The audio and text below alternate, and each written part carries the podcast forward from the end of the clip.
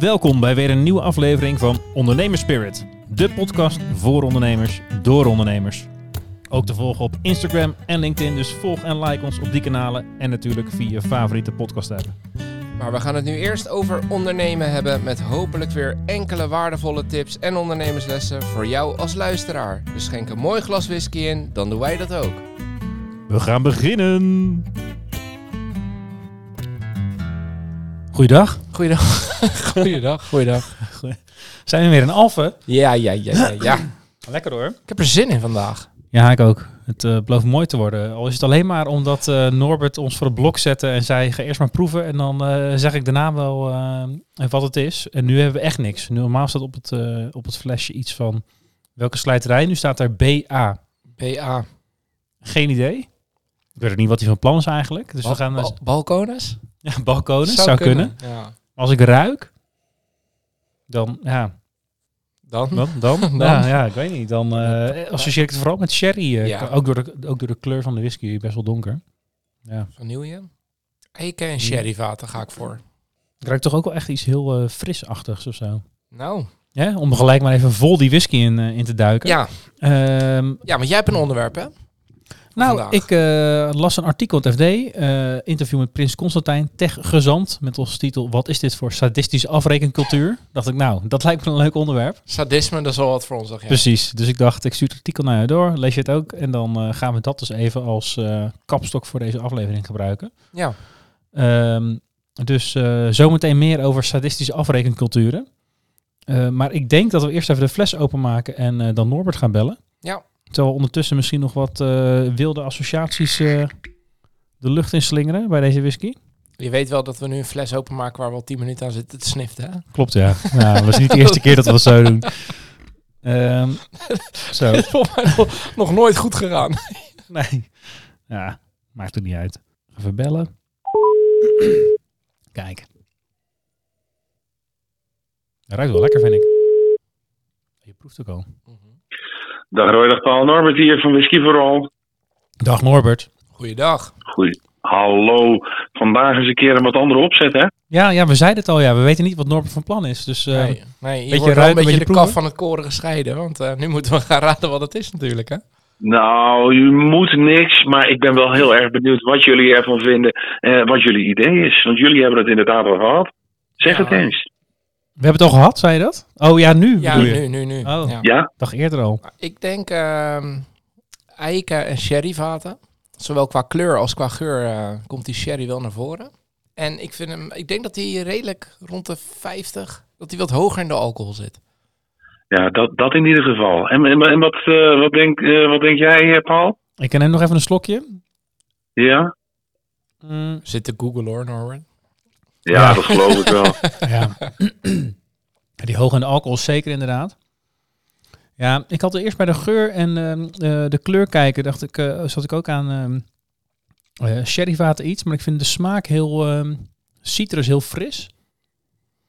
En ehm, de- we zeiden al, op het flesje staat BA, dus Roy maakt al de grap balkonus. Maar ik, Zal ik het gewoon, van, zal ik het gewoon gaan verklappen? ja, dat lijkt me goed. Ja, dat is beter Ja. voor iedereen. Wat het lekkerste dat jullie aan het proeven zijn, is geen whisky. Het is een rum. Het gaat om een Oh. rum inderdaad van Balcones, dat prachtige merk uit Waco, uit Texas. Waar ze ehm, ook dus ook een prachtige whiskies maken. Maar dit is dus een rum door Balcones zelf gemaakt, van molassen. Eh, die vervolgens is gedistilleerd in de eigen pot stils. Het is een jaarlijkse editie die op vatsterkte wordt uitgebracht. Eh, in jullie glas zit de 2021 editie. Die is gebotteld op 58,5%. En ik heb begrepen dat er inmiddels een nieuwe hoeveelheid flessen, wel een nieuwere batch, in Nederland is aangekomen dat die inmiddels te vinden moet zijn bij de betere slijter. Dus geen whisky, maar ik denk ik ga jullie eens een keer verrassen met een prachtige rum. Mensen die zeggen ik hou niet van rum en wel van whisky. Ja, volgens mij moeten die dit gewoon eens een keer gaan proeven. Nou, zeker inderdaad. 100% ja. Want eh, wij hebben op dat prachtige festival van jou ook wel eens eh, heerlijke rums mogen proeven. Maar daar zit toch veel meer zoetigheid in dan ik hier eh in haal. Ja, het leuke van deze inderdaad, hij heeft wel zoetheid. Hè? Ehm, kandij, pannenkoek, stroop, eh, karamel, dat, soort tonen. Maar ook tegelijkertijd veel houtinvloed Ehm, hè, van het vat. Ehm, dus veel tannines. Tegelijkertijd, wat mij betreft, ook een hele mooie fruitigheid. Een, een, een bijna stroperige smoothie van, van donker fruit, zoals kersen, pruim. Dus ja, fruitigheid, een zekere zoetheid en die tannines van het vat. Ja, ik vind het een fantastische combinatie. Hij smaakt, eh, smaakt heerlijk, ja. Hij En zeker goed, een verrassing. Ja, Goed zo, goed zo. Wel het, Jullie hui- weten, dat doe wel ik het graag. huis goed, maar eh, het is gewoon een hele Ja. andere drank. ja. We zijn er wel allebei ingetrapt. We hadden niet eh, gezegd dat het wat anders dan whisky kon zijn. Nee, Dus zeker dat, niet. nee. zeker niet. Nee. Eh, het, dat is ook het frame, hè, natuurlijk. Dat is, ehm, je verwacht van mij whisky, dus je gaat dan vanzelf vanuit Ja. whisky denken. Erg leuk om jullie op deze manier een keer te gaan verrassen. Eh, ga ik in de toekomst vast nog wel eens een keertje vaker doen. Leuk. Maar de volgende keer weer gewoon whisky. Spreken we af. Top. Zeker. Top. Hey, dankjewel. Goed zo. Dankjewel. Jullie bedankt. Tot de volgende keer. Tot de volgende. Nou, we zitten gewoon aan de rum, eh, Roy. Ja, nee, dat had ik er echt niet, eh Had ik er ook niet uitgehaald. Fantastisch. Nice. Ja. En ik moet ook wel bekennen, zonder de BA had ik ook niet op balkonus gekomen hoor. Nou, omdat jij balkonen zei, dacht ik opeens, eh, hij heeft wat weg met die citrusgeuren van volgens mij die Baby, Baby Blue, Blue. Of die, Ja. ja, Ja, die had ja, ook ja. van die hele Klopt. citrusachtige... En die wordt ook niet meer gemaakt, dus dat had, had gekund. Maar deze... ja, eh, en helemaal toen ik zei, je hebt hem al gehad, was ik even in de war van, oh, heeft hij hem eerder al een keer ingeschonken? Want dan Ja. kan het dus echt die, ja. oh, oh, oh, wat een verrassing. Nou, Nee, leuk. aan de rum. Aan de rum. Heerlijk. Wij zuipen alles, Paul. Mhm. Whisky for all. Dus niet alleen voor whiskies, maar ook voor hele mooie rums, eh, Ja. blijkbaar. Maar zeker ook voor bijzondere whiskies en proeverijen. Ja, en die kan je dus ook op het Whisky Tasty Festival opproeven. 16 september is al bijna. Dat is bijna, ja. Ehm, ik heb eigenlijk geen idee of er nog kaarten zijn, want het- volgens mij is het eigenlijk wel uitverkocht. Maar Voor volgend jaar dan alvast. voor volgend jaar vast. Ehm sadistisch afrekencultuur. Ja. Lekker toch? Mhm. Nou, het, eh, ik weet niet wat jij ervan vond, maar laat ik eens beginnen met... ehm er was een interview met de prins Constantijn, de techgezant van, eh van TechLeap. Die, wat is het? Een tijdje terug eh, bekend maakte dat hij weer voor een eh, paar jaar dat, eh, dat blijft doen. Nu TechLeap weer een nieuwe financieringsronde van economische zaken heeft gehad. En dat hebben ze de afgelopen jaren volgens mij goed gedaan bij TechLeap. Nederland op de kaart zetten als, als start-up en eh, scale-up land. Er zijn nog genoeg dingen die verbeterd kunnen worden. En daar, daar zijn zij lekker voor aan het lobbyen. Zoals betere fiscale structuren Mhm. voor, voor start-ups. En wat is het? Beloning aan je eerste medewerkers geven. Daar hebben we natuurlijk ook wel eens vaker over gehad. Ja, Het hele box 3 verhaal. Dat, dat, Ja. ja.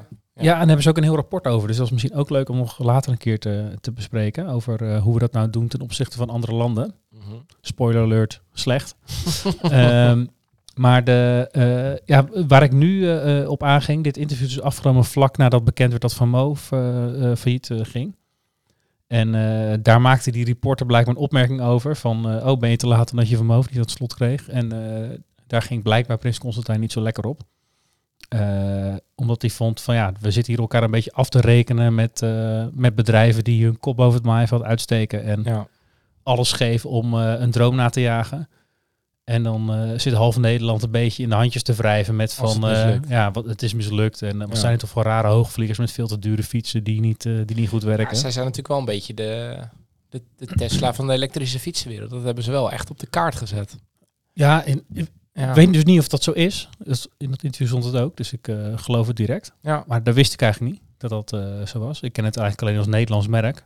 ja. Volgens mij heb je in het buitenland ook elektrische fietsen, maar dat... eh, Maar wat was jouw gedachte dan toen Van Moof ging? ging? Ging je mee in het hele AH-verhaal? Of? Nou ja, om eerlijk te zijn, een beetje wel.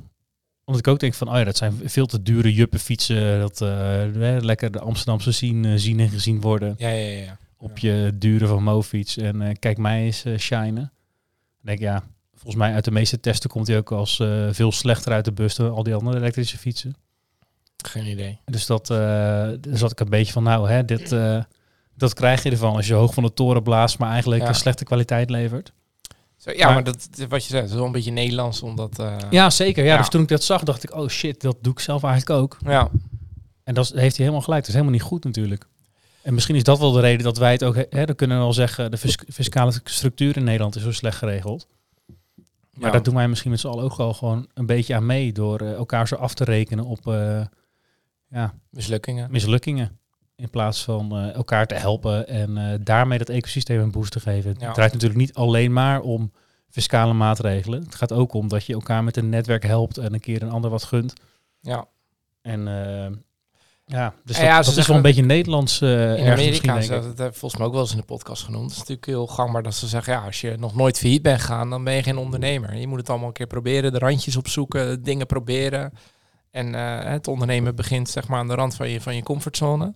Ja, Ja, dat is hier wel minder. Want als je hier zegt, ik, heb dit bedrijf gehad, ben failliet gegaan, dan kijk je toch een beetje eng aan van, oh, daar zou er wel geen zak van kunnen. ja. Dan heb je verkeerde beslissingen genomen of wat dan ook. Nou ja, we hadden laatst Arthur de gast natuurlijk, Arthur Ja. Tolsma. En daar hebben we het in de aflevering niet heel erg over gehad, maar hier heb ik het wel eens met hem over gehad. Dat, ja, dat, hij heeft ook een boek geschreven over zijn eerste start-up. Over dat, dat, dat, dat is niet geworden wat hij ervan had verwacht.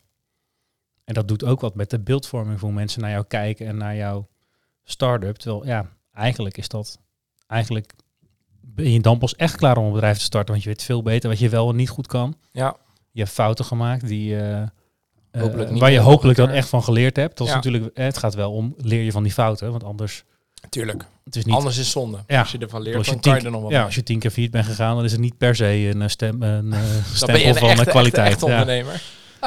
Dus je moet wel wat van Ja. leren natuurlijk. Maar als je nou kijkt naar jouw eh, omgeving en er zou een of, een of een zakenrelatie of een netwerkrelatie, iemand die een keer failliet is gegaan, behandel je die zelf dan ook anders? Kijk je daar anders Nee, de- naar? of, nou, want dat heb ik niet. nee, dat heb ik ook niet echt. Maar, ik ik heb dus wel wel het beeld wat jij had bij Vermogen. Dat ik dacht, ja, ja, zie je wel, want je te, te Ja. dure hippie eh, gebeuren. Ja, Ja, dat beeld herken ik wel, ja. Ja. Dat doe ik ook wel mee. ja. Dus dat is eigenlijk, eh, het zijn wel twee verschillende dingen. Maar ik denk van, als iemand failliet is gegaan en weer doorgaat, dan heb ik daar nog nooit eigenlijk iets anders voor gevoeld van eh, respect of wat, wat een durf dat je dat dan nog een keer aandurft. Want Mhm. het zal best wel een klap zijn als, als iets niet gelukt is. Ja. Maar ik maar wel, ja, Ik, ik, niet herken me vooral in die afrekencultuur als eh, dat je iemand eh, een vervelende uitstraling vindt he- hebben of een beetje een eh, eikel vindt. je gewoon bevoordeeld bent. Ja, en Ja. dat het dan iets misgaat dat je denkt van ja, zie je wel, hè, dat roep je ook over jezelf af, want je bent gewoon geen aardig persoon. Nee, nee, ja, precies. Ja. En, maar ja, misschien is wat ik niet mag aan diegene wel de reden dat hij het zover heeft gebracht. En is het gewoon afgunst als, als het een keer niet lukt. ja. Ja, zou kunnen. Weet ik niet. Misschien, Nee, is, het, maar- misschien is het wel echt een eikel. Maar ook de, even naar mezelf eh, te reflecteren of ik dat dan ook heb. Maar ik vind het wel tof als er Nederlandse initiatieven eh, iets baanbrekends doen. zeker, ja. En dat, dat, Dat heb ik ook wel. Best, Ja. best chauvinisme. ja, misschien, misschien. Ja, dat weet ik niet. Maar ja, oké. Zoals ik, hè, wel uh, laatste Formule 1 eh, in een Zandvoort. Ja. Ja. Daar hoef je mij echt niet voor wakker te maken. Ik heb er helemaal niks mee. dat is ook al vaker genoemd. Maar, dat, Ja.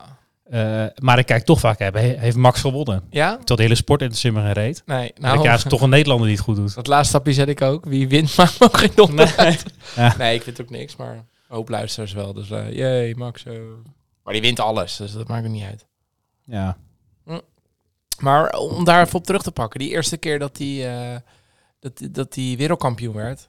Kutrace. man. Echt een kutrace. Dat is de enige race ooit in mijn leven die ik heb gezien. Ja, nee, Wat maar een verschrikkelijk. Als je daar terugkijkt, hoeveel, en dan zeker in het, in het Nederlandse kamp natuurlijk, hoeveel mensen er toen richting Hamilton, wat riepen. Het is eigenlijk een beetje hetzelfde als met, Ja. die, met die vermogen. Ja, Gast is zeven jaar lang geloof ik wereldkampioen, nou, ze vast wel wat kunnen. ja. En dan, dan lukt het Afgunst niet. Om, om en, wat- eh, ja, precies. Ja. Dus het is ook wel een beetje, ik Ja. Nederlands, maar een beetje mens-eigen om, ja als jij ook iets wel, ja. graag wil en een ander lukt het, dat je het dan mooi vindt als het diegene uiteindelijk ook niet lukt. Of, of Ja, ja misschien Ja. wel, ja. En Ik heb, ik heb ook met, zoals ik het naar het bedrijfsleven, ehm, ik associeer het ook een beetje dat hè, in die start-up scene wordt er vaak toch een beetje gezegd van ja, hè, wij zijn niet zoals die grote corporates en die grote consultants, dat we elkaar een beetje vliegen afvangen en ehm, eh, elkaar afrekenen en eh, nou ja, de, met de ellebogen werken om hoger op te komen. Maar dit elkaar zo afrekenen van haha, hij heeft gefaald, dat Ja. is eigenlijk wel een beetje vergelijkbaar, vind ik, met eh, ja, qua sfeer, zeg maar, qua setting. beetje Dat- de, de elleboogsfeer noem je het dan. Ja. eh, ja, hoger opkomen ten koste van een ander, in plaats van met elkaar. ja. Terwijl ze zeggen, als, als land willen wij eh, het, het, het goed doen, zeg maar. Hè, de, Mhm. de, als er een bedrijf à la Apple, eh, Facebook, eh, Google in Europa moet ontstaan, dat is volgens mij alleen Spotify een beetje. Ja. Hè, hoe zorgen we nou voor dat zo'n soort bedrijf in Nederland zou kunnen ontstaan? Ja, dan mag er misschien wel wat minder van die, eh, hè, dat hoongelach om elkaar. Ja, En wat meer mensen supporten die hun kop over het maaiveld uitsteken. ja. En als ik daar dan kritisch naar kijk, dan denk ik, nou, dan, hè, dan denk ik, nou, wij doen het op zich wel goed. Hè, persoonlijk. Mhm. Maar als ik dat dan lees, denk ik, ja, misschien toch niet. Want ik heb best wel af en toe van die binnenpretjes van, ha, dat is een sukkel. En eh, dat, Ja, eh, dat eh, ja, dat had je kunnen verwachten. Ja, ja, ja. ik zelf te, te, terug te denken. Ik, ik merk dus ook aan mezelf dat als het in mijn nabije kring, zeg maar, in mijn netwerk en dat soort dingen, dan heb ik dat dus helemaal niet.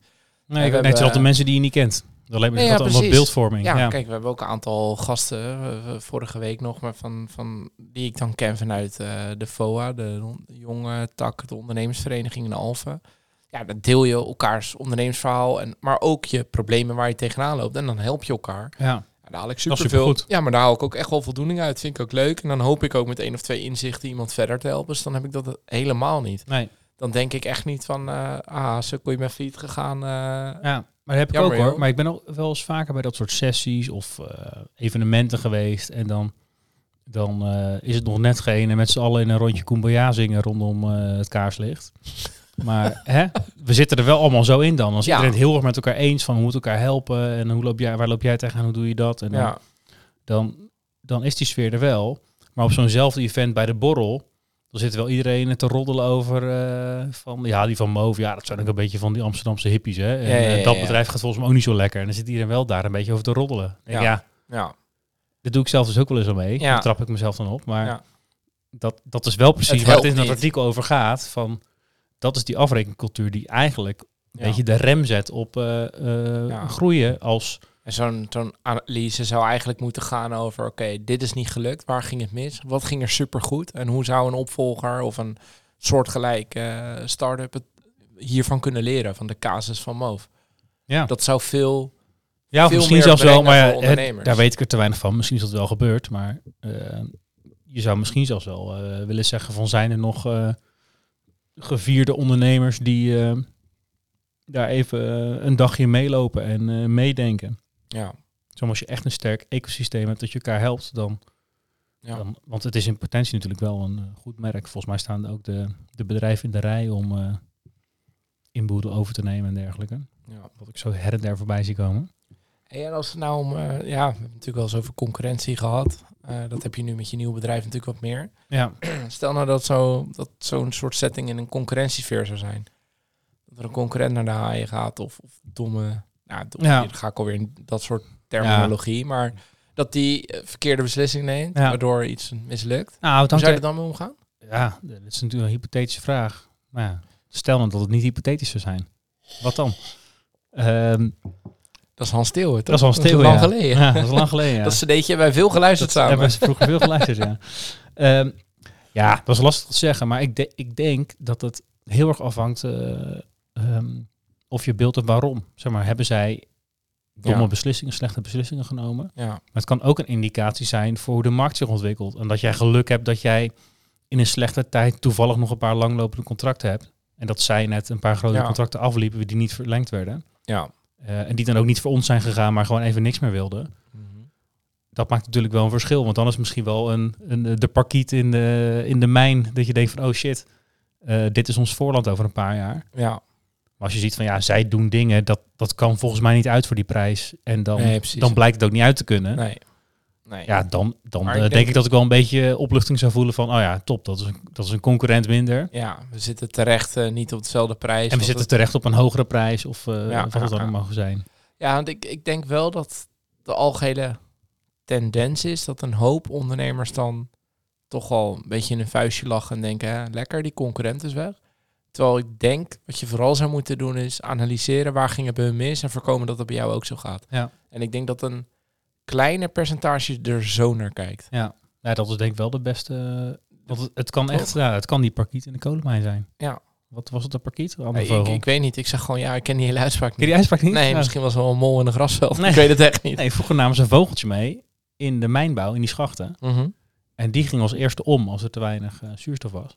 Oh. En dan wisten ze, oh, we moeten nu als een idioot naar boven, want... eh, er is- weinig. Ja, de parkiet in de kolenmijn. Of een andere vogel, maar ik dacht de parkiet. Ja, Ja. ja. oké. Ja. Ik zag je al een beetje glazig kijken. Ja. dus, nou, ik ben eens over een parkiet. maar Maar ja, dat, dat, maar ja, Ja. daar zou ik wel even naar kijken. Maar ja, ik, ja, ik, eh, ik weet wel dat, een, eh, eh, dat, dat er nu concurrenten zijn die, eh, ja, waar er mensen vanuit de universiteit komen. En daar werken ze dan ook nog. Mhm. En daar komt hun salaris vandaan. Dat komt niet uit het bedrijf. Ja, dat zegt wel iets over hoe dat georganiseerd is natuurlijk allemaal. Ja. Dus je probeert dat wel een beetje in de gaten te houden. En als daar dan iets misgaat of juist heel goed, Ja. ja, dan, eh, dan hoop je dat je daar goed op kan acteren. Ja, maar nee, goed, dan precies. moet je wel de juiste informatie hebben. Ja, dat, dat is natuurlijk ook nog eens. Maar Ja, als ze dan failliet zelf gaan, dan weet je... ik wel proberen inderdaad om er vooral van te leren Ja. van oké, waar ging het daar dan mis? Ja. En hoe is dat bij ons?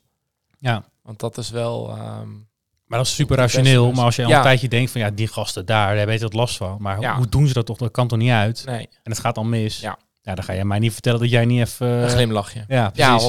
100%. Tuurlijk. Nee, dat doe je ook. Ja, Alleen daarom ja. zeg ik ook, dat is je primaire reactie Ja. is van haha, zie je wel. Ja, Alleen het je kan zou niet uit. eigenlijk moeten Ja. omdenken van hé, hey, en wat betekent dit voor ons dan? En waar doen wij het dan goed? Want wij eh, hebben geen visum of, of, of waar hebben wij andere keuzes gemaakt? Ja. Dat is denk ik wel die laatste stap. Durf ik wel te stellen dat een hoop ondernemers dat niet doen. Ja, Maar vooral denken, ah, zie je wel, en gewoon doodleuk doorgaan waar ze mee bezig ja, zijn. waar je mee bezig bent. Terwijl ze misschien wel hetzelfde pad bewandelen, alleen een jaar of twee jaar achterlopen. Ja. En heb jij het idee dat eh, die eh, sadistische afrekencultuur... Ja, ik, ik denk dat het misschien wat meer in de pers leeft eigenlijk dan, eh, Denk ik ook. dan eh, on- bij ondernemers zelf, om heel eerlijk te zijn. Maar dat heb ik, dat heb ik met alles. Want welk onderwerp je ook aansnijdt in de pers en in al die talkshows, er zet iemand die enorm voor en iemand die enorm tegen is. Want dat clash Ja. lekker. Ja, Waardoor dat de meningen lijken. Terwijl misschien 90% gewoon eh, ja gewoon lekker zijn ding lekker uh, vernieuwen in het midden zit. En het zal wel. Ja, het is, dat is ook zo. En dat denk ik hiermee. Het is natuurlijk wel een kop die je denkt, oeh, ze is zelf Ja, ja, weer even lezen. Weet Klopt. je wel? En, en Maar ik ging, die er in die zijn zin, er, ik ging maar er in die zin wel op aan. Ja. Want ik herken het wel heel erg. Ja. Van, dat zelfs ook op events waar het gaat om elkaar helpen. Dat daarna bij de borrel wordt er wel lacherig gedaan over Ja. mensen die er niet zijn. Of waar je inderdaad in de krant hebt gelezen van de Van Moos van deze wereld. Die een grote naam hebben, maar het dan misschien net niet helemaal waar lijken te hebben. ja, Maken. Eh was ook een tijdje met eh, eh, Swapfiets. Toen het allemaal nieuw was. Daar werd er ook een beetje lacherig gedaan toen, eh, ze Ja. zei, hè, toen zij kwamen van we gaan, heel, we gaan duurzaam fietsen leveren. En dat toen bleek dat het niet zo heel duurzaam was. ja. Gewoon fietsen verhuren en eh, met een autootje heet het rondrijden om die dingen op te halen. Ja, Ja, precies. Ja. dan merkte ik ook dat heel veel mensen daar een beetje lacherig over deden. Ja, dat kan toch niet, dat kan toch niet. Nee. Maar ja, Maar er is wel een idee ontstaan. Hé, zo kan het ook. En dan Ja. ga je partijen krijgen die het wel gaan verduurzamen. Dus ze breken wel een lans voor Zeker, ja. een, een, een nieuwe dienst of markt of wat Ja. dan ook. Ja. Ja. Dus dan moeten we eigenlijk eh, als Nederlandse ondernemers zijn er veel meer, eh Ja, en wat er veel ook positiever in staan. in dat eh, artikel ook stond, werd er ook wel een beetje gepleit voor meer, meer durf bij durfkapitalisten. Dus dat er ook Ja. wel vanuit het eh, private equity of wat, wat voor investeringsfonds dan ook, toch wel meer, meer drive is van hé, geef iemand de kans. En, en ik Ja. ben benieuwd of die daar dan nog een rol in, in kunnen hebben. Of, of die zijn natuurlijk wel. allemaal door de, door de wol geverfd. En, eh, Ja, volgens mij hebben we relatief weinig eh, geld beschikbaar, maar vooral heel erg voor die hele vroege fase. ja. Dus bij de investeerders zit het ook eh, een soort van de Hollandse ziekte, waar ik zelf ook last van heb. Van het moet wel een beetje zeker zijn. ja, ja. Terwijl En vooral ondernemen is soms ook gewoon gaan en we zien wel. Ja, maar dat kan je in verschillende gradaties doen. En volgens mij is de Ja. gemiddelde Nederlander toch een beetje van, nou, ik moet wel, Financieel moet het kloppen. ja, en ook wel Eh. voor 60% weten dat het klopt of zoiets. En Ja. niet eh Jorsums verhalen van eh, Amerikanen. Dat Ja. is ook echt niet mijn stijl. Maar dus blijkbaar ook niet van de gemiddelde Nederlandse investeerder. Nee. Van nou, als iemand met eh 10 slides en eh, wat hij verder nog aan bedrijf heeft zijn nog vijf backup slides en verder heeft hij helemaal niks. nee. Maar hij haalt wel een miljoen op. ja. En dan gaat hij aan de slag. ja, ja. dan moet je vertrouwen in de persoon hebben. Ja. Dat, eh, maar dan moet ik ook wel zeggen, wat je dan hoort zijn natuurlijk de succesverhalen. Tuurlijk. Dat gaat ook daar vaak mis natuurlijk. Ja, precies. Want, eh, En er zitten ook een hoop oplichters tussen die dan met een miljoen in de zak eh, weg zijn. oh, dat geloof ik zomaar. Dat, Dat een miljoen misschien maar- niet, maar Die wel geld ophalen. En, ja. En Ja. dan weg zijn, want ze hadden eigenlijk toch niks. Maar ik vind wel dat je als, als, ehm, ja, als durf, als je in dat, dat, dat sfeertje zit, moet je ook wel eens een beetje een gokje durven wagen. En iemand de kans geven Ja. je zegt, ik zie het nu nog niet, maar er zit wel ergens. Maar dan moet je denk ik wel zelf al een keer ook echt gedaan hebben. En misschien eh, die hele risicovolle dingen Ja. zijn er misschien nog niet zo heel veel van in Nederland die dat gedaan hebben. ja, Weet ik eigenlijk niet, maar ik weet niet. Ik denk dat dat Lightyear bijvoorbeeld. ja, Dat, dat een Van Moof. En ja, dat zijn echt wel eh, initiatieven zat, denk ik, toch? ja, maar die moeten die- dan wel het geld en de kennis en de kunde en de wil hebben om dat te delen. Ja, Eh, zo. Ja, ja, dat ja. bedoel ik eigenlijk Ja, meer. Ja. Want als jij in high-tech early stage wil gaan investeren, dan is geld leuk, want dat heb je dan nodig om mensen te betalen. Ja, ja is Maar dan, maar dan gaat het veel meer over, waar we het ook met Arthur over hadden, alle kennis die je meebrengt en ervaring en misschien Ja. wel netwerk. Ja, Want dat moet je dan dat- volledig openstellen en eh. Ja. Ja. En dat moet je natuurlijk wel eh, willen, want dan, dan heb jij ook afbreukrisico. En dan ben Ja. jij misschien de gevierde ondernemer die X groot heeft gemaakt. Ja. Eh, oh nee, X kan je nu niet meer Nee, zeggen. kan je niet meer want- zeggen, Nee, dat is Twitter. Ja, Ja, is Twitter die, eh, die, eh, Ei. die iets groot heeft gemaakt Ja. en onge, on- ongedefinieerd iets. Ehm, en dan ben je de succesondernemer. Maar als je Ja. dan ook opeens de, ja, de bedrijfsfluisteraar van een nieuw initiatief wordt, dan leg je nog een keer je hoofd op het hakblok. Dat is waar. En dat las ik ook een beetje tussen de regels door in het interview. Dat, dat de Nederlandse gevierde tech-ondernemers daar niet zo op lijken zitten te wachten. Nee. Dat daarom tegen wil en dank eh Constantijn toch nog maar een paar jaar eh, de special tech on- envoy van uh, TechLeap blijft. Ja, blijven lobbyen. Blijven Maar lobbyen. dat kan die wel. dat kan die denk ik wel, zeker. Ja, ja, Dus samengevat, minder lachen om elkaar, meer helpen. zeker. En als het dan ergens misgaat, hè, als het heel directe concurrent zijn, mag je heel, heel kort even lachen. En maar slag. leer en analyseer ja. vooral voor je eigen business. Zeker. Dat is eh, Hebben we weer een, eh, een mooie ondernemersles eh, te pakken. zeker weten. Onder het genot van een rummetje. Onder het genot van de rum. Ja, dat was lekker. Ja, dat heeft Norbert Ja. wel goed gedaan. Hè? Ja. Nou, voor jou ook, want hij was Ja, wel, hij eh, was hoog 60, alcohol, hè? maar ja. ik vond hem wel... eh, ja, nee, het was lekker. Was lekker. Tweede rum die ik eerlijk vind. Ja, Die andere Ja, kwam die ook ook maar via kopen. eh, Noor- Hè? die ook maar kopen dan. Ja, verschrikkelijk. Ehm, hebben we nog een sterk verhaal? Paul. Ja. Tuurlijk. Once upon a time. Ik eh, mag niet om ze lachen, dus ik ga ervan leren en analyseren. Ja, en ze dan feedback geven en dan doen ze er niks mee. En dan Ja. word je gefrustreerd en dan eindigt het in deze rubriek. De Belastingdienst Ja. zijn er weer. Ik had een... ehm, het begon eigenlijk al met een voorlopig ingevulde aangifte. Dan krijgen ze machtigingen, dat, dat wij dan alles mogen inzien. Drie keer aangevraagd, drie keer niet opgestuurd. Haak ik al een beetje af, maar goed. Want voor haar partner kreeg hem wel gelijk binnen. En dat was in één bulk aangevraagd. Dus het kan nooit dat het niet goed gegaan is. Maar ehm, vervolgens hè, hebben we het zonder gedaan en gewoon gezegd... joh, lever gewoon alles aan wat je hebt. Nou, dienen we een aangifte in. Toen kwam er een brief. Joh, het klopt niet met onze gegevens. Volgens ons is het inkomen niet compleet, want is ook nog dit en dit inkomen er geweest. Als het klopt, hoef je niks te doen. Als het niet klopt, moet je voor 7 juli eh, reageren. Dat is een tijdje terug. Zeker. En eh, op het moment dat je dus niet reageert, pakken we 7 juli plus, ik geloof, vier weken. Eh, en dan krijg je een nieuwe beschikking en moet je gaan betalen. Nou, Oké, prima. Want we hadden ondertussen een beschikking gehad. Ja, daarna gingen ze ervan afwijken. Dus ik bel de Belastingdienst op. Ik zeg, joh, eh, wat moet ik nou doen? Want nou, hè, eerst de klant gebeld. Van, klopt het? Ja, nee, shit, ja, was een of andere uitkering of zo die ze vergeten was. Nou, prima. Dus dan hoeven we niks te doen komt er een herinnering binnen op die eerste beschikking voor 29 juli betalen. Maar ja, wij zaten natuurlijk eerste week augustus te wachten op een nieuwe beschikking. Dus ik bel nog op. Ik zeg, joh, jullie zeggen dat ik niks hoef te doen en moet wachten. En ik krijg nu een herinnering van betalen. Dus wat moet ik nou doen? Want anders gaat het weer mis met betaalkenmerken, allemaal gezeik. Dus ik zeg- ze, nee, het is een automatisch gegenereerde brief. Kan je negeren, je hoeft niks te doen. Top. Nou, was hij op vakantie? Appje van de klant. Ja, lekker. Jij... eh, zegt tegen mij dat ik niks hoef te doen. Nou heb ik een eh, dwangbevel in naam van de koning met eh, boetes en herinneringen. Alles erop en eraan. Nou, ik weer bellen met de Belastingdienst na mijn vakantie. Ik zeg, joh, dit, dit, verhaal. Toen heb ik gebeld. Ze zei, ja, ik zie die notitie ook allemaal staan. Ik zeg, we hadden al een nieuwe beschikking moeten hebben. Waar blijft die dan? Ja, nee, ik zie inderdaad dat die ook nog niet eh, is gedaan. Dus u heeft gewoon gelijk. Zeg, en nu? Ja, ja, ja, betaal hem toch maar. En ja, de rente daar kunnen en de, de boete kunnen we eigenlijk ook niet zoveel aan doen. Dus moet je maar weer bezwaar voor maken. Zei, nou ja, dan gaan we dat doen. En het gaat om 18 euro. Hè. Dus ik heb tegen die klant gezegd, ik heb inderdaad dat advies gegeven op wat mij verteld was. Ja, ja. Maar goed, lang verhaal kort. Je volgt dus die brief. Er volgt een andere actie uit. Je belt na van, joh, hè, Want het geld lag er gewoon. Het was geen betaalonwil of zo. Wat moeten we nou doen? Ja, nee, je hoeft allemaal niks te doen. Het klopt inderdaad wat u allemaal zegt. Laat het maar. Ja, en dan eindig je er met, met, met, met vijf brieven en boetes en rentes. Het is- Ja, ellende. Ja, dat vond ik wel een sterk verhaaltje. Zeker. Dus eh, in die end is die betaald nu. En we hebben nog steeds geen nieuwe beschikking. nee. Het is nu eh, september. Dus, En ook eh, alweer bezwaar aangemaakt. Tegen, Zeker. Ja, Voor 18 euro. Ja. Ja. ik denk, nou ga ik er een punt van maken. natuurlijk. Ja. ja. Maar het is dus, ik heb die mensen drie kwartier gesproken.